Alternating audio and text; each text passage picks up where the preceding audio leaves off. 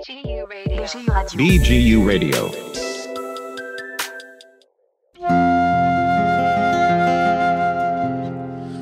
מדברים ספרות.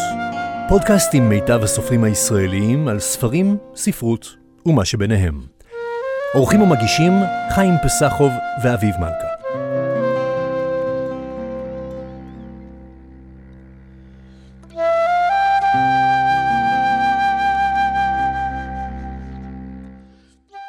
היי אביב, מה שלומך? אני בסדר, חיים, איך אתה? אני בסדר גמור. ההסכת שלנו מתקדם לו לאט לאט, ואנחנו כבר בפרק השמיני, עם כל הקורונה והבלגן. כן, אה? קצת לברוח למציאות אחרת לא יזיק. לא, לא יזיק בכלל. את מי אנחנו מראיינים הפעם? היום ניקח אתכם המאזינים לאיראן של שנות ה-30 עד ה-50, ונעשה את זה עם הסופרת שרה אהרוני על הספר אהבתה של סלטנת. יש למה לחכות. על מה עוד דיברנו איתה? אז כמובן שחוץ מהספר אה, שוחחנו איתה גם על תהליך הכתיבה שלה בכלל, וגם על ההצלחה הבינלאומית שלה בתחום הספרות. איך המאזינים יכולים להגיב לנו?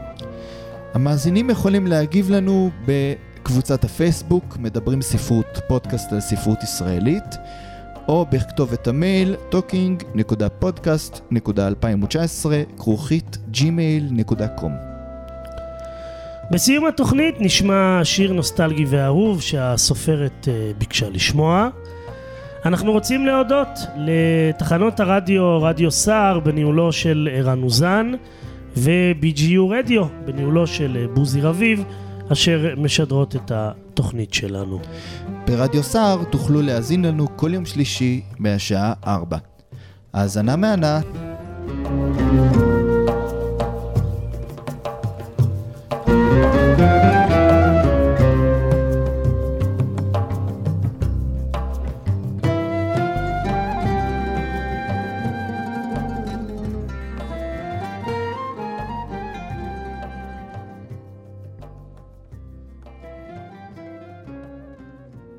שלום לסופרת שרה אהרוני, שלום חיים, שלום אביב. מה שלומך? מצוין, אני שמחה שטרחתם להגיע עד לכאן מירושלים. שמחים שככה מארחת אותנו ומתראיינת לפודקאסט שלנו. קדימה, אני מאוד מאוד אשמח להתראיין. תספרי לנו קצת על עצמך.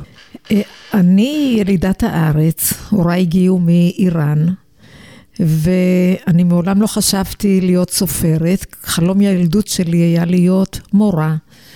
לשמחתי הגשמתי את החלום הזה. במשך 20 שנים עסקתי בהוראה. הייתי מורה, מחנכת, רכזת שכבה ומנהלת בית ספר. הייתי בטוחה שאני אמשיך בעיסוק הזה כל ימי עבודתי, אבל אתם יודעים שהחיים לפעמים עושים לנו תפניות לא, לא מתוכננות. ועשיתי תפנית. אה, מאיר בעלי התחיל לכתוב את ספר המידע הראשון שלו על ישראל. הצטרפתי אליו, נשאבתי לתוך מה שהפך להיות לפרויקט החיים שלנו. וכך במשך 25 שנים הוצאנו לאור ביחד 16 ספרי מידע, ספרים עבי כרס, שנותנים נתונים על כל תחומי החיים של מדינת ישראל, והם פותחים ברובם הגדול בהישגים הגדולים של ישראל בכל מיני תחומים. שוב חשבתי שאם עשיתי שינוי אחד ועברתי מהוראה לכתיבה עיונית, זה מה שילווה אותי בהמשך עבודתי. שוב התבדיתי, משום שלאחר ששמעתי את סיפורה של אימא, והתרגשתי מאוד מן הסיפור, החלטתי שאני כותבת אותו. והחלטתי שאני עושה תפנית אחת ויחידה, אני כותבת רומן אחד על חייה של אמי וחוזרת לתלם. והתלם הוא הכתיבה העיונית של ספרי המידע שלנו. אבל אחרי ההתנסות שלי בז'אנר הזה של רומן, לא יכולתי כבר לעזוב את זה, והבנתי שאני ממשיכה לכתוב רומנים. מה גם ממש לא, לא ציפיתי לזה, אבל הספר מאוד מאוד הצליח ונתן לי דחיפה מאוד חזקה להמשיך ולעשות את מה שאני אוהבת. וזה מה שאני עושה, אני כותבת אה, רומנים, בעיקר רומנים היסטוריים. אני גם אוהבת לקרוא רומנים היסטוריים, כי אני חושבת שמעבר לספרות של הספר, שזה דבר גדול בעיניי, הרומן ההיסטורי גם נותן לנו ערך מוסף של הכרת ההיסטוריה. למשל, לא מזמן קראתי את הספר תחת שמי ארגמן, שהוא נתן לי מידע מאוד מרתק על השואה שהייתה באיטליה. מה זה הספר הזה? תחת שמי ארגמן. לא, של מי הוא? מה הוא? של... אה, אוי, אתה...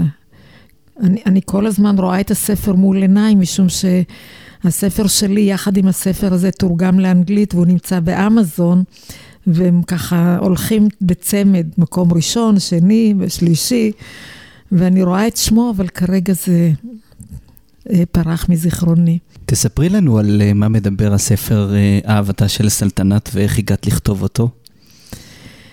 אז אני אתחיל מאיך הגעתי לכתוב אותו, משום שזה סיפור ששמענו, אנחנו הילדים, האחים שלי ואני, כשהיינו מאוד קטנים. אבל אה, אז אימא סיפרה לנו את הסיפור כשהיא מסננת מתוכו את כל הפרטים הרגישים, הטעונים.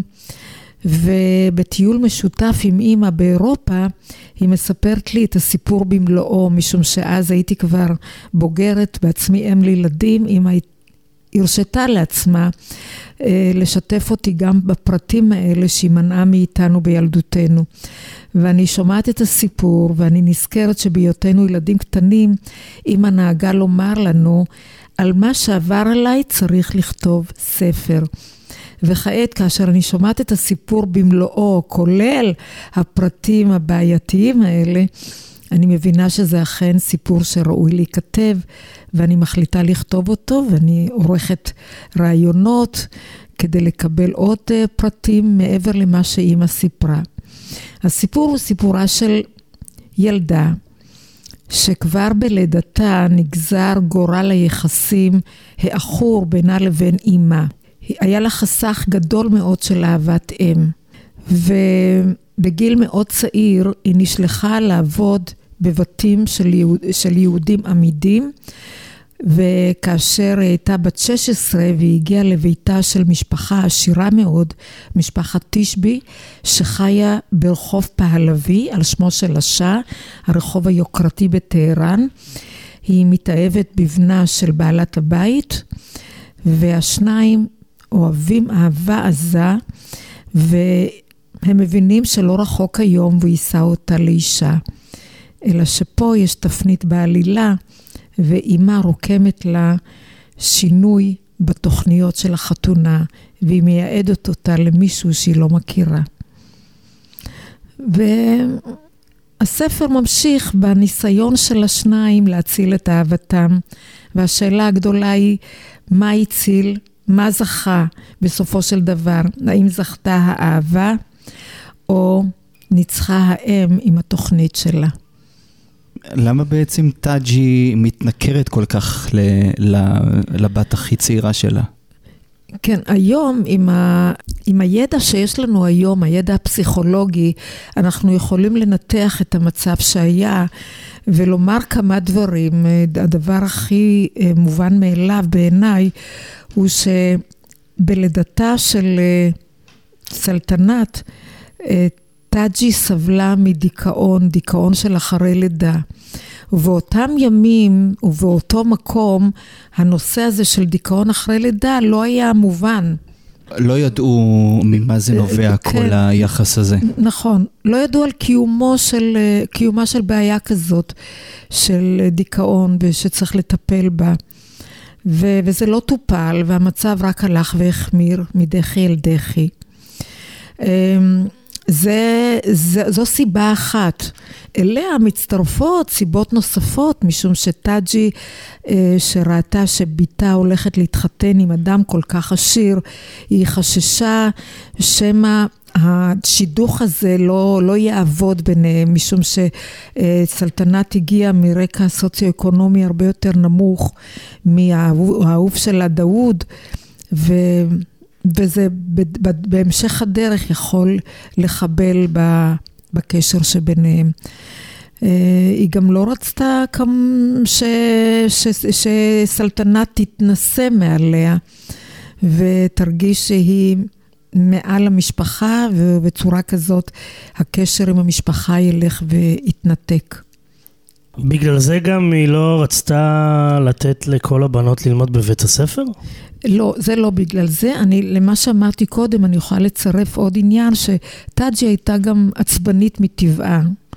וגם זה לא טופל, וההשלכה שלו אה, לא, לא סימפטית. אתה שאלת על הלימודים.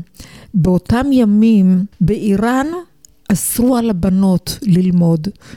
הפריבילגיה של הלימודים הייתה... גם המוסלמיות או רק היהודיות? גם המוסלמיות. הפריבילגיה אה, ללימודים הייתה רק לבנים, משום שהגבר הוא המפרנס של המשפחה, ולכן הוא, הוא זה שצריך ללמוד. האישה לא צריכה ללמוד משום שהתפקיד שלה הוא להיות עקרת בית, לגדל את הילדים, לנהל את משק הבית. כדי ללמוד איך לעשות את זה, היא יכולה אה, להיצמד לאימא וללמוד ממנה, לעזור לה, ואין צורך ללכת ללימודים. האמת היא שבתקופת ילדותה של סלטנת כבר היו ניצנים ראשונים של ילדות שהתחילו ללמוד, משום שסלטנת נולדה ב-1930. ב-1925 עלה לשלטון השאה אה, רזה שאה פהלוי. מוחמד רזה שאה פהלוי. אה, זה, זה הבן שלו אחר כך. אה, כן. אוקיי. ב-41 מוחמד רזה שאה פהלוי החליף את אביו, אה, הבריטים החליטו שיחליף את אביו. משום שאביו תמך בגרמנים וזה לא מצא חן בעיני הבריטים והם החליטו להמליך את בנו.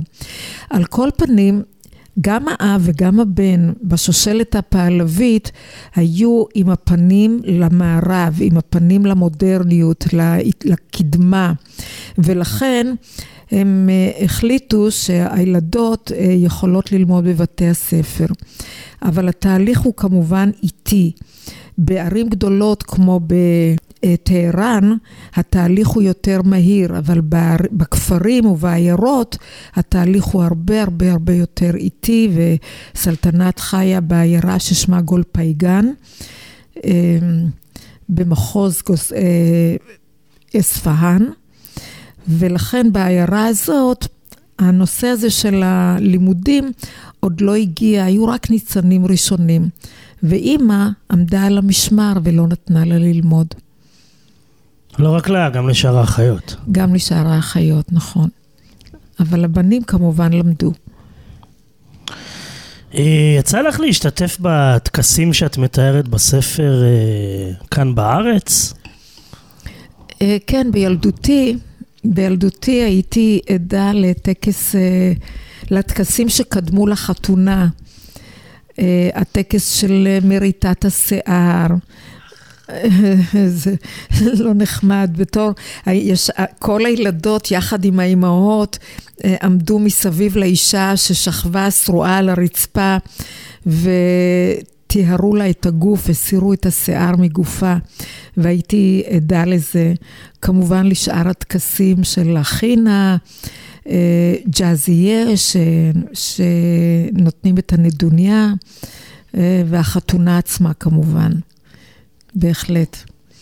הייתי עדה לזה באזור מרוחק מאזור מגוריי, שזה היה מושב מרגליות בצפון, ליד קריית שמונה. אחותה של אמי גרה שם, וביתה התחתנה, והייתי עדה לטקסים האלה. למה יצחק, אה, כשטאג'י מחליטה משהו, הוא מיד שר למרותה, ואיך להגיד את זה במילה עדינה, הוא נהיה סמרטוט יפה יפה של אשתו. כן, זו שאלה נכונה, כאובה מאוד. אגב, אני זכיתי להכיר את סבא יצחק. את סבתא טאג'י לא זכיתי להכיר משום שהיא נפטרה באיראן. סבא הספיק לעלות ארצה וזכיתי לראות אדם צדיק.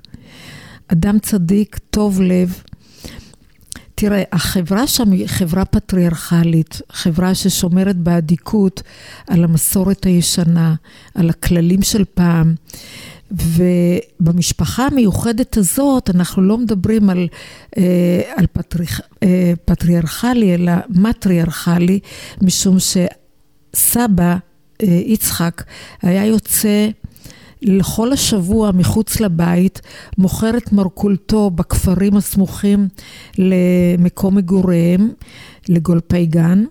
והוא מגיע רק בסופי שבוע. כך שבמהלך השבוע, כל החינוך של הילדים, כל ניהול הבית, הכל היה נתון בידיה של אימא. ולכן היא זו שמחליטה, היא זו שקובעת, וגם אישה דומיננטית מטבעה. והוא אדם רך, אדם אה, אוהב, יש בו מלא אהבה, מלא נתינה. ו, וזה מה שקרה, שהוא לא יכול היה לעמוד בפני הדרישות והגחמות של אשתו. האם רק אה, בנות כפריות ועניות, כמו אה, אוריג'אן ו... ו... סלטנה. וסלטנת עבדו אצל עשירים, או גם בנות עירוניות מבתים יותר משכילים? כן. אה, זו הייתה תופעה מאוד מאוד נפוצה בקרב הכפרים והעיירות. בבתים העמידים הילדות כבר למדו, הם לא, הם לא הלכו לעבוד, הם, להפך, המשפחה מימנה את הלימודים שלהם, הם למדו בבתי ספר, באליאנס, ואחר כך uh, המשיכו הלאה ולמדו אפילו באוניברסיטאות. יש לי קטע בספר שמציג את הפער הגדול בין השכבה הסוציו-אקונומית הגבוהה לנמוכה, כאשר מלוק, האחיינית של דאוד, אהובה של סלטנת, אומרת לסלטנת, אולי תתחילי ללמוד, את עכשיו אצלנו, אני יכולה לעזור לך, תלמדי. וסלטנת אומרת לה, אבל אימא לא מרשה. אני רק רוצה להוסיף ש... כן. שהם בעצם, שדאוד בעצם הולך לתאג'י ומנסה לשכנע אותה שסלטנת תלמד, אבל זה בסוף גם לא מצליח. נכון מאוד, נכון מאוד. אז, אז זה מתחיל בשיחה עם מלוק, וסלטנת אומרת לה, אה, אבל אימא לא מרשה, למרות שהיא לא נמצאת איתנו, אני חייבת להישמע להוראות שלה ולא יכולה לעשות משהו בניגוד לדעתה. ואז, כמו שאמרת, אביב, אה, דאוד מחליט ללכת לטאג'י ולבקש את הסכמתה, כי סלטנת לא תלמד ללא הסכמתה. למרבה הצער, הוא שב ריקם. טאג'י לא נותנת את הסכמתה. וסלטנת לא לומדת. רק כשהיא מגיעה ארצה, היא לומדת קרוא וכתוב, כמובן עברית, כבר לא פרסית, כי זה פה בארץ. למה ננג'אן מנסה לפייס את טאג'י רק פעם אחת כדי שתתייחס לסלטנת בצורה קצת פחות מחמירה? תראה, אה, ננג'אן מכירה את אימא שלה. היא יודעת עד איפה אפשר להגיע איתה. ובנקודה מסוימת אין שום סיכוי שבעולם. וגם בפעם הראשונה שהיא פנתה אליה לנסות להשפיע עליה, היא עשתה את זה לא מתוך כוונה לנצח במאבק הזה, כי היא ידעה שאין שום סיכוי שבעולם, אבל כדי לתת לעצמה את הדין וחשבון שיגיע יותר מאוחר ולומר, אני בכל זאת ניסיתי ועשיתי את המקסימום, זה היה המקסימום מבחינתה, כי מעבר לזה באמת לא היה טעם. וגם בעלה הבין, יצחק הבין, אי אפשר. אי אפשר לעמוד מול הגחמות של האם הזאת, במיוחד כשהיא מתכוונת להפיץ... אה, ידיעה כל כך לא נכונה, ולומר, שזו ידיעה מאוד מאוד פוגעת. מדוע דאוד אה, מציע לטאג'י אה, שסלטנת תעבוד בבית של המשפחה שלהם, של משפחת תשבי? אוי, זה היה מפגש אה, מאוד מיוחד, שמאוד מאוד ריגש אותי. סלטנת, היו לה נעליים בלויות, רוב הזמן היא הלכה יחפה. ואימא שלה אמרה, שכבר הגיעה, הנערה הולכת, כמעט מגיעה לפרקה, ועוד מעט יגיעו אה, שידוכים, ויתדפקו על דלתה כל מיני חתנים מיועדים, והיא חייבת אה, שיהיו לה נעליים לפחות. היא לוקחת אותה לחנות הנעליים. בחנות הנעליים, שבשוק המוסלמי, נכנס אה, דאוד, והוא פוגש את האם ואת בתה. והוא מתחלחל מהמחשבה שטאג'י מביאה נערה צעירה כל כך למקום שיש בו מן הסכנה. ו... ולכן הוא לוקח אותם אה, הביתה, ואחר כך הוא מבקר אצלם בבית, אחרי שהוא שכנע את אימא שלו שסלטנה תבוא לעבוד אצלם, כדי ש... לשמור עליה בעצם, כדי שלא אה, תיכנס עוד פעם למצב של אה, סיכון אה, עם, ה... עם האם הבלתי אחראית. ולכן הוא מגיע לאם והוא מציע לה שסלטנה תעבוד אצלם, וזאת הצעה מאוד מאוד מפתה, משום שלעבוד בבית אה, עמית כל כך מבחינת טאג'י, זה גם שכר הגון וגם שמירה על הילדה. כן, אבל כבר היו שני בתים שהיא יכלה מהם מרורים. כן, נכון. היו בתים שיכלה מרורים, אבל היא הבינה שמדובר הפעם באדם שעושה רושם שאכפת לו, הוא גם ביטא את זה כבר בחנות, שאכפת לו מאוד, והוא הבטיח הבטחות, והוא אמר לה גם שהוא דיבר עם אימא שלו, וכל מה שהוא אומר לה זה בסיכום עם אימו. כך שזה נשמע מאוד מאוד משכנע. אם הזכרנו את ננג'אן, נשאל על הוריג'אן. האחות, האחות השנייה, כן. שהיא גם כמו סלטנת, אה, היא כבר השלימה שהיא תעבוד בבתי עשירים. אז למה היא לא מנסה לחפש עבודה אחרת? תראה, אתה, אתה מדבר על אה, אוריג'אן ולא על אה, סלטנת. בניגוד לכולם, סלטנת היא הייתה עם אופי מיוחד לא שכיח באותם ימים. היא הייתה אה, אומרת בדיוק את מה שהיא חושבת, וטאג'י ראתה בזה חוצפה מאוד גדולה. ולעומת יתר האחים שתמיד אה, נענו לכל מה שהיא דרשה מהם, לכל מה שהיא אמרה, הם היו צייתניים מאוד. אה, ובכללם אורי ג'אן, היא הייתה אה, ילדה צייתנית, אחר כך נערה צייתנית. וככה התחנכה, זה מה שהיא עשתה, מה שאומרים לה זה מה שהיא עושה. מעולם לא עלה על דעתה לעשות משהו אחר ממה שמכוונים אותה. אה, יש הבדל גדול בין סלטנת לבין יתר האחיות, האחים שלה, האחיות שלה. ולכן היא גם לא הסתדרה כל כך עם טאג'י. טאג'י לא הבינה איזה מין חינוך זה, מה שקיבלה הילדה הזאת, החוצפנית. מה שנקרא חינוך אירופי מדי. כן. מתקדם מדי. מתקדם מדי. לגבי עזיז, איך למרות כל השיגעונות ומצבי הרוח המשתנים של אה, אשתו, הוא מחליט לא לפרק את החבילה? התשובה היא במילה אחת, אהבה. הוא אהב אותה. כאשר הוא הגיע לבית של ההורים, אה, היו לו שתי אופציות. לבחור אחת מן השתיים, אלה שתי אחיות. נכנסה אוריג'אן ראשונה, הוא ראה אותה, נחמדה, והחליט לראות קודם את השנייה ואז uh, להחליט. ברגע שעיניו נפלו על סלטנת, זו הייתה אהבה ממבט ראשון.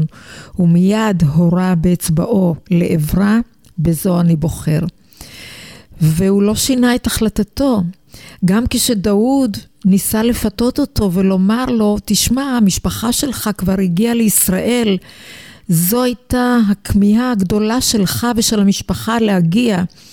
תגיע לישראל, אני אתן לך כסף לקנות שם בית, ואני אשלח לך כסף לפרנס את עצמך, ואתה תוכל לחיות שם בשלווה ונחת, רק תיפרד מסלטנת.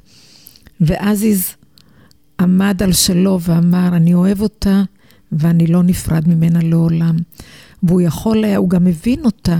הוא גם מבין, הוא לא ידע, אה, כאשר הוא בחר בה, הוא לא ידע שטומנים לו פח. הוא לא ידע את כל הסיפור של האהבה שישנה בין אה, סלטנת לדאוד. זה נודע לו אחר כך, מאוחר מדי, אחרי שהוא אהב אותה. ואז אי אפשר היה לשנות את זה. אבל יחד עם זאת, הוא כל כך הבין לליבה, כל כך כאב לו שהיא צריכה לעבור את כל האיסורים האלה, ולכן הוא ניסה בכל דרך להקל עליה. וזאת הייתה הזכות הגדולה שלה, שלמרות שהתחתנה בסופו של דבר עם מי שהיא לא אהבה, האדם הזה נתן לה כל מה שאפשר כדי שתוכל לעבור בשלום את החיים האלה. כשנג'את בא לקחת את סלטנת אה, מהבית של משפחת תשבי, אז הוא מסתיר ממנה את דבר האירוסין שלה עצמה. למה? נג'את בעצמו לא ידע ש... שזה כך, ככה אמרו לו, הוא, הוא פשוט מילא את ההוראה של ההורים. אמא אמרה לו, לך תביא סלטנת, תגיד לה שהוריג'אן מתארסת. והוא לתומו הלך והודיע לה את ההודעה הזאת. ורק כאשר היא הגיעה, התבררה הטעות המרה. מלבד זאת, טאג'י חשבה שעזיז יבחר באוריג'אן. היא לא חשבה שהוא יבחר בסלטנת, אבל כיוון שהוא ידע שיש שתי, שתי בנות והוא צריך לבחור אחת מן השתיים, היה צריך להביא את הבת השנייה. פשוט נג'ת מילא את ההוראה של אמו. כמו בן מחונך. נכון, נכון. לכן היא אהבה כל כך את כל הילדים שלה, רק לא את סלטנת. הסלטנת המורדת. למה דאוד מנסה בכל דרך להחזיר את הגלגל למרות שכל האיתותים מראים לו שדי? אי אפשר. שוב, זו כוחה של אהבה. הם, הם ניסו להציל את האהבה שלהם. תראה, דאוד בא מרקע אחר לגמרי. הוא היה בטוח, אם אני אוהב אותה, אז אני מתחתן איתה. מה זאת אומרת? שום דבר לא יעמוד בדרכי. הוא גם אדם שנהג לתת הוראות לכל האנשים. פתאום בא מישהו ונותן לו הוראה אחרת, זה לא היה מקובל עליו. ולכן הוא חשב שהוא יכול לעשות הכל, ובסופו של דבר לנצח. הוא לא תיאר לעצמו שטאג'י חזקה אפילו יותר ממנו. אדם שהוא משכמו ומעלה, גם מבחינה אינטליגנטית, גם מבחינה כספית וגם מבחינת הערכים שלו כאדם. הוא עולה על טאג'י לאין ערוך, ובכל זאת, טאג'י היא המנצחת הגדולה. למה אימא של דאוד מפקידה בידי סלטנת את משרת סוכנת הבית? אי אפשר היה שלא להתרשם מהאישיות של סלטנת. סלטנת, כמו שאמרתי, בניגוד לכל השאר, היא אדם שיודע מה הוא רוצה, יש לה אישיות חזקה, וכאשר היא הגיעה לשם, ובעלת הבית ראתה שהיא יודעת איך לנהל עניינים ואיך לסדר את העניינים, היא החליטה להפקיד בידה את כל הסמכות הזאת, והיא, והיא לא טעתה, כי סלטנת עשתה את זה בצורה הטובה ביותר, מעל ומעבר לציפיות. בתודות בספר, את מודה, לה, את מודה להורים שלך, ושהדמויות בספר נושאות את השמות שלהם, סלטנת ועזיז. האם הסיפורים המתוארים בספר אמיתיים, או שנתת לדמיון לקחת אותך לאן שייקח, ואמרת יקרה מה שיקרה? תראה, יש הבדל בין, רומן, בין רומן אוטוביוגרפי לרומן, או לרומן היסטורי. התשתית של הספר היא תשתית עובדתית. כל הסיפורים שאני מספרת שם הם סיפורים שהתרחשו. כמובן שעל התשתית הזאת מגיע הרובד הספרותי, אחרת זה לא רומן. מגיע הרובד הספרותי שנותן לי דרור לדמיון, והוא מבוסס על מה שהיה. כל הדיאלוגים שאני מכניסה שם, והתיאורים, וההרהורים, והמחשבות, הם כולם נשאבים מתוך מה שהיה במציאות. על זה אני בונה את, את כל היתר. וככה אני עושה גם ברומנים ההיסטוריים שלי, למשל עם אהבתה של גברת רוטשילד. הסיפור של מייסד משפחת רוטשילד, שאני מביאה אותו דרך עיניה של אשת המייסד. כל התשתית היא תשתית עובדתית. העובדות ההיסטוריות כפי שהיו.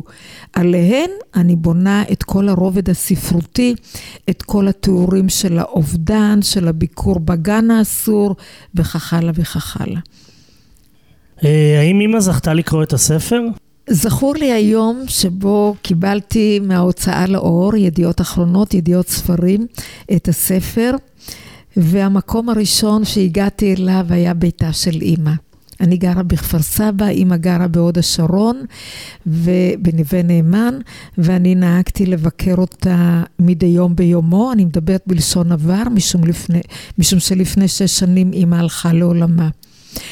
מדי יום ביומו ביקרתי אצלה, ביום שקיבלתי את הספר הגעתי אל אימא, המקום הראשון. אני מגיעה אליה כשאני אוחזת את הספר בידי ומציגה אותו לנגד עיניה, והיא מסתכלת ורואה אהבתה של סלטנת. היא מתרגשת והיא דומעת והיא מחבקת אותי ובוכה על כתפי. ואני אומרת לה, אמא, את רוצה שנקרא בספר? בגרון חנוק היא מהנהנת אה, כן, ואנחנו הולכות למרפסת, יושבות זו לצד זו. אני יודעת ש... אה, שהקריאה שלה היא איטית, והרצון שלה לדעת מה כתבתי הוא מאוד מאוד חזק, ולא, אין לה סבלנות, אלא לדעת מה כתוב שם, ולכן קראתי יחד איתה. זו לא הייתה קריאה, אני עברתי עמוד עמוד וסיפרתי לה מה כתוב. עוד עמוד ועוד עמוד, אני אספר לה מה כתוב, ובאיזשהו שלב אני מתחילה לספר, והיא ממשיכה. ואני מגיעה לעניין הבא, מתחילה לספר, והיא ממשיכה אותו. ומה שיצא, שאנחנו יושבות שתינו ומספרות את הסיפור ביחד. זה, זה היה כל כך מרגש, עד שבשלב מסוים אמרתי לה, אמא, עכשיו את צריכה לנוח, אנחנו נמשיך מחר. היא אומרת לי, לא, שרה, בואי, בואי נמשיך. והמשכנו עד סיומו של הספר. וואו. איזה סיפור. התרגשות חזקה, חזקה מאוד. ב- בימים הבאים עלו בה הרהורים, כי אז היא התחילה לקרוא בעצמה, ואז הייתה מגיעה אליי ואומרת לי, שרה, אולי את הקטע הזה, שמה שאמרה לי אימא למשל, אולי את זה אפשר היה להוריד. אמרתי לה, למה אימא? היא אומרת, כי אני מזמן סלחתי לה, אני לא כועסת עליה, אני מבינה אותה. ככה זה היה פעם, ככה חיו פעם. אין לי כעס עליה, למה שהקוראים יכעסו עליה? אמרתי לה, אמא, אני הייתי צריכה לכתוב את זה כדי שגם אני כבר לא אכעס עליה. אחרי שכתבתי, השתחררתי מהכעס, אני כבר לא כועסת. אני, אני מקווה שגם הקוראים אחר כך יסלחו לה. באחד הראיונות איתך קראנו שאת מאוכזבת מחוסר ההכרה שלך כאן בארץ, לעומת ההצלחה הבינלאומית בזמן האחרון. תסבירי את העניין. כן, אני יודעת שזה הפך להיות לכותרת. אני לא בדיוק התכוונתי להביע כעס אה, או התמרמרות על המצב הזה. פשוט אה, אה, נשאלתי שאלה לגבי המצב ונתתי תשובה בלי להביע יותר מדי רגשות סביב העניין הזה. אבל כמובן שדברים כאלה אה, מנגנים על לב המראיין והוא הופך את זה לכותרת אה, שיותר מושכת את עין הקורא. הוצא מהקשרו. אבל, אבל, אני, אני, אבל המציאות היא באמת כזאת שישנם ישנם סופרים שזוכים להתייחסות תקשורתית אה, רחבה מאוד. אה, וסופרים אחרים שלא זוכים כלל וכלל התייחסות, והם ראויים לה בהחלט.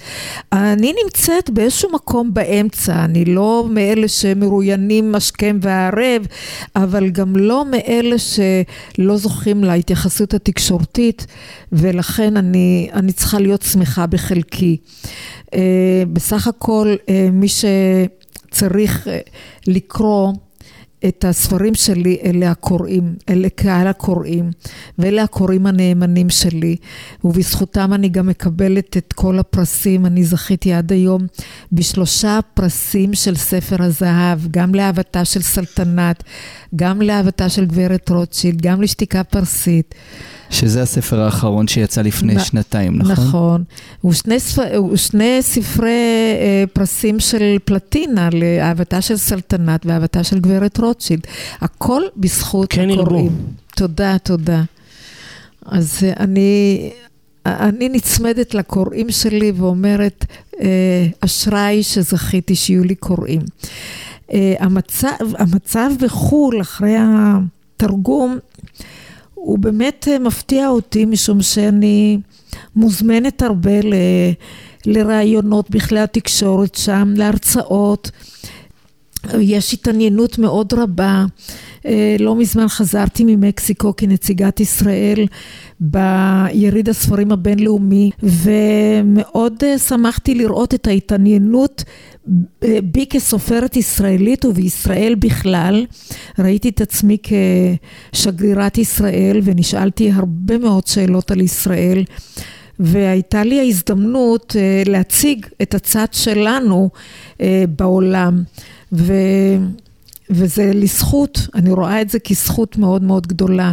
מה גם שאני מקבלת ביקורות מן העולם על הספר, ואחת הביקורות שמרגשות אותי כל פעם מחדש, זה כאשר אה, אומרים לי שאנשים שהם שינו את דעתם על היהודים בעקבות קריאת הספר.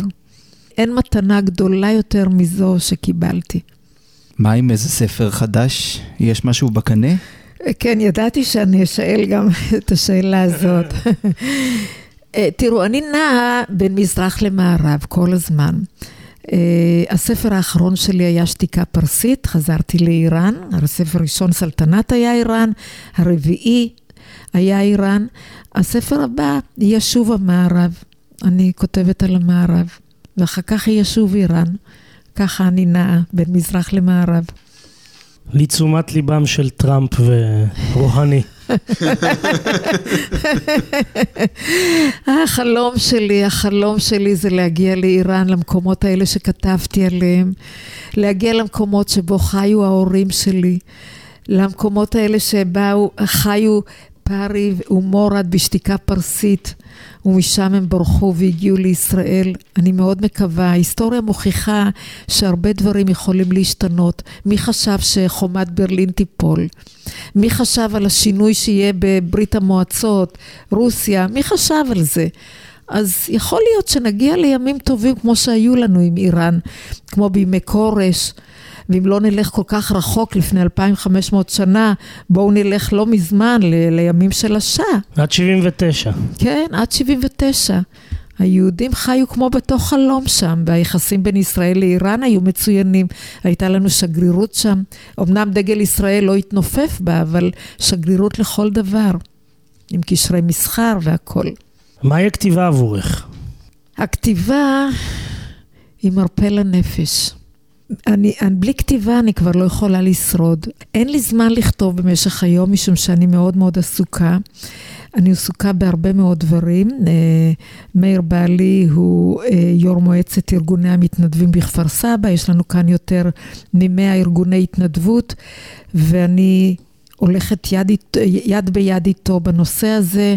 אנחנו חב, חבר, חברים בהנהלת קרן סיוע לנזקקים. כך שהיום שלי עמוס בהרבה מאוד דברים. הכתיבה שלי היא בלילה. אפילו שאני עייפה, אני יושבת ואני כותבת ואני מתרעננת, ואני מרגישה שעשיתי את יומי כאשר בלילה כתבתי. איך את מפנקת את עצמך? אני מפנקת את עצמי בכתיבה, אני מפנקת את עצמי בקריאה, ב- בללכת להצגות ולהתפנק עם הנכדים. יש לי נכדים נפלאים, נהדרים. הנכדה הקטנטנה שלי היא בת שבעה שבועות עכשיו. מזל טוב, מזל טוב. תודה, תודה, תודה. יש לי אה, שמונה נכדים. אה, זה כיף גדול איתם. אה, ואני מתפנקת עם החברות שלי במפגשים של החברות. אני מתפנקת בהרצאות. אני מאוד מאוד אוהבת את האינטראקציה עם קהל הקוראים שלי, ואני מרבה להרצות ברחבי הארץ כמו בעולם. ובכל זה אני רואה פינוק אחד גדול.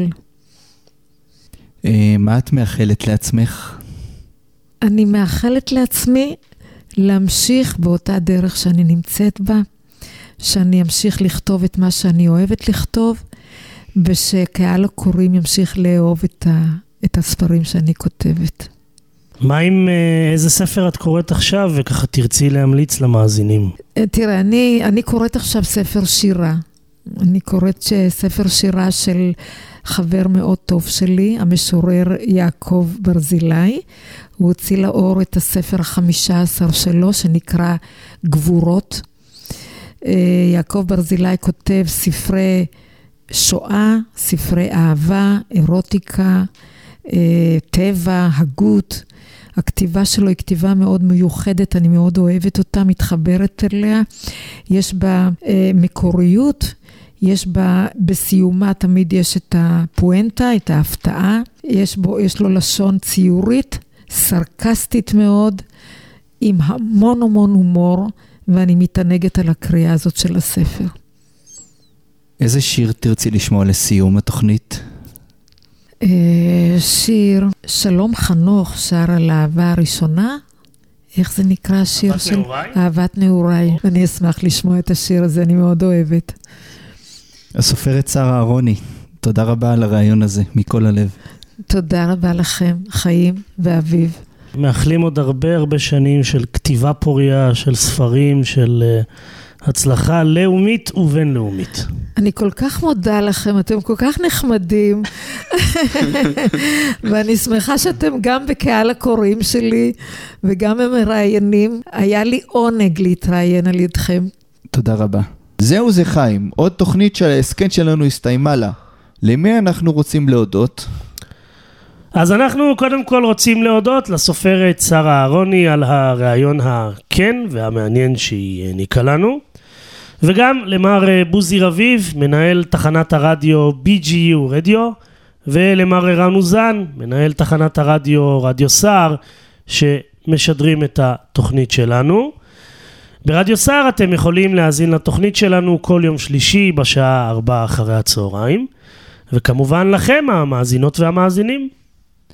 אתם יכולים להגיב לנו בקבוצת הפייסבוק, מדברים ספרות, פודקאסט על ספרות ישראלית, ובכתובת המייל talking.podcast.2019, כרוכית gmail.com.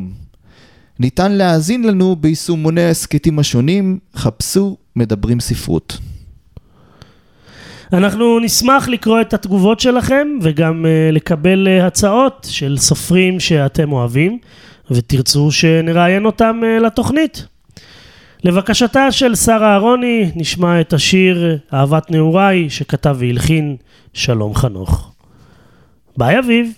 ביי חיים, נתראה בפרק הבא.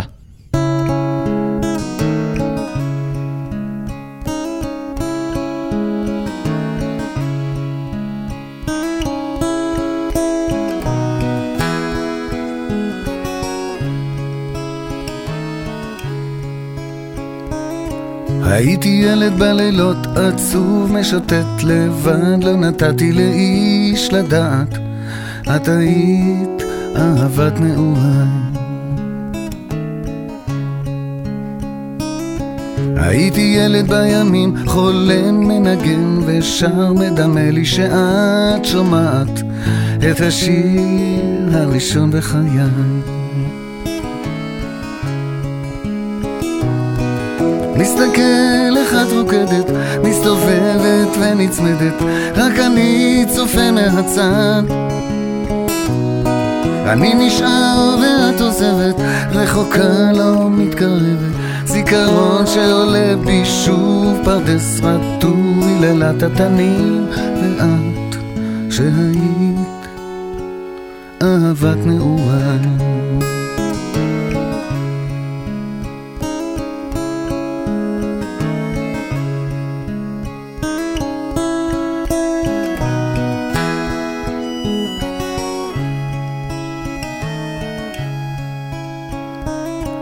ולא הייתי איתך כמעט כל כך מעט ואמרת לי שאת נוסעת ואולי לא אראה אותך שוב.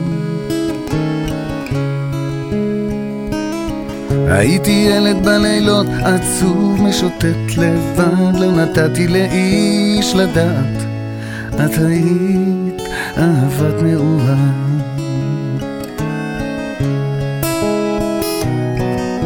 מסתכל איך את רוקדת, מסתובבת ונצמדת, רק אני צופה מהצד. אני נשאר ואת עוזבת, רחוקה לא מתקרבת, זיכרון שעולה בי שוב פרדס רטוי לילת התנים ואת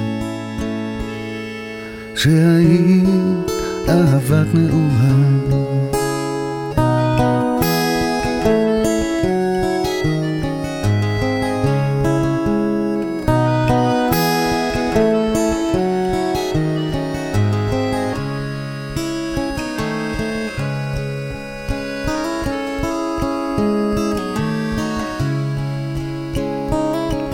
הייתי ילד בלילות עצוב משוטט לבד לא נתתי לאיש לדעת